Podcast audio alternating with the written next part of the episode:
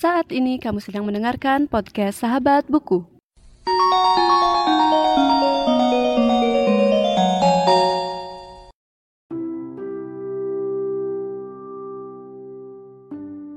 Kenang-kenangan seorang wanita pemalu.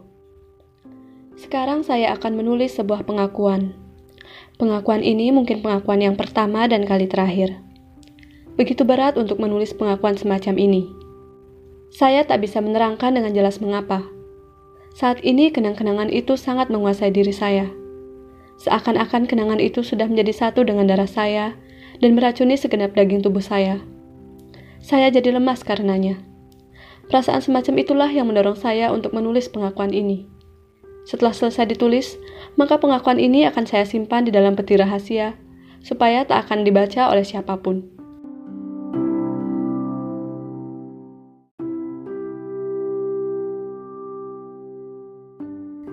Halo semuanya dan selamat datang kembali di podcast Sahabat Buku. Bagi kamu yang baru pertama kali mendengarkan podcast ini, podcast Sahabat Buku adalah sebuah podcast yang membahas review buku dan pengalamanku saat membaca buku. Di episode kali ini, aku akan membahas sebuah buku berjudul Kenang-kenangan Seorang Wanita Pemalu yang ditulis oleh W.S. Rendra dan diterbitkan oleh penerbit Bentang Pustaka. Kenang-kenangan seorang wanita pemalu merupakan sebuah kumpulan cerpen yang terdiri dari 13 cerpen. Dan pada episode kali ini aku akan membahas 4 dari 13 cerpen. Lalu aku akan memberikan pendapat pribadi aku mengenai buku ini. Jadi kita akan langsung saja ke cerpen pertama, yaitu cerpen dengan judul Kenang-kenangan Seorang Wanita Pemalu. Cerpen ini menggunakan perspektif orang pertama, di mana ia adalah seorang wanita yang menyukai seorang laki-laki yang bernama Karnain. Dan di cerpen ini diceritakan bagaimana si wanita ini pada masa remajanya menyukai seorang pria dan di cerpen ini juga dijelaskan bagaimana suka dan dukanya saat si wanita ini sedang bersama Karnain dan bagaimana kejadian waktu Karnain harus meninggalkan si perempuan ini. Dan di cerpen kedua yang berjudul Tak Bisa Dipisahkan, cerpen ini mengisahkan cerita dari Putri Anjar, yaitu anak perempuan dari Raja Wangsa yang memiliki hubungan terlarang dengan Pangeran Eka yang merupakan tawanan dari Raja Wangsa. Dan diceritakan pada cerita ini bahwa putri dan pangeran itu mengembara ke hutan untuk menghindari prajurit istana dan diceritakan bagaimana keadaan mereka selama di hutan. Dan cerpen selanjutnya yaitu Hantu-hantu yang malang. Hantu-hantu yang malang menceritakan seorang pria yang bernama Sersan Harjo yang memberanikan diri untuk tinggal di sebuah loji berhantu yang bernama Loji Kelabu.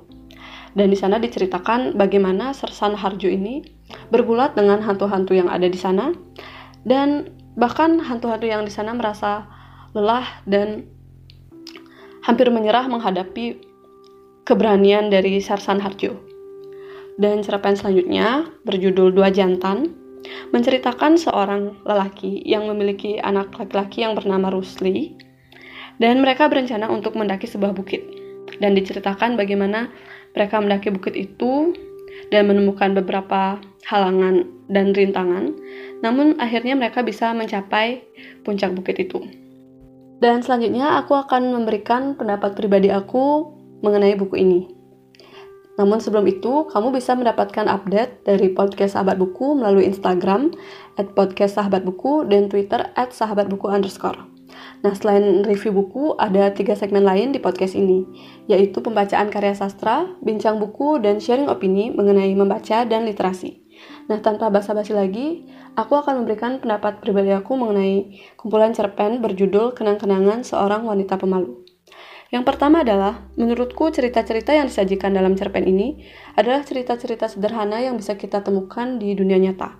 Namun, hal yang membedakannya adalah bagaimana si penulis bisa menggunakan kata-kata yang bagus dan dia bisa memainkan kata-kata tersebut sehingga bisa mendeskripsikan kejadian-kejadian di cerpen itu dengan pas dan juga tidak membosankan. Dan selain itu juga, menurut aku cerpen uh, kumpulan cerpen ini merupakan salah satu kumpulan cerpen yang menurut aku bisa membuat pembaca merasuki bagaimana kejadian-kejadian yang ada di cerpennya. Contohnya pada cerpen pertama, Kenang-kenangan seorang wanita pemalu, mengisahkan bagaimana suka duka seorang perempuan remaja yang baru mengetahui apa itu jatuh cinta.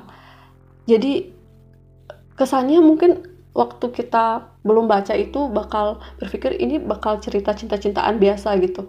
Tapi bagaimana si penulis mendeskripsikan cerpen ini membuatnya menjadi tidak biasa dan tidak membosankan.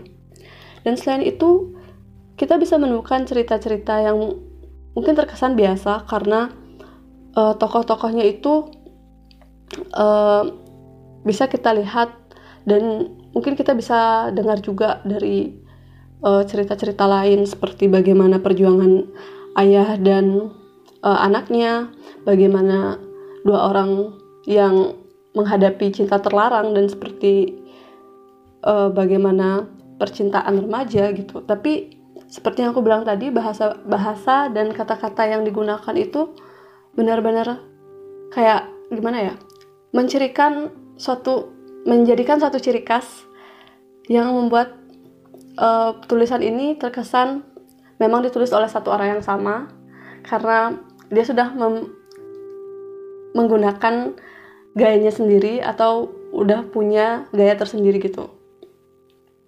Dan sekian pendapat aku mengenai buku ini.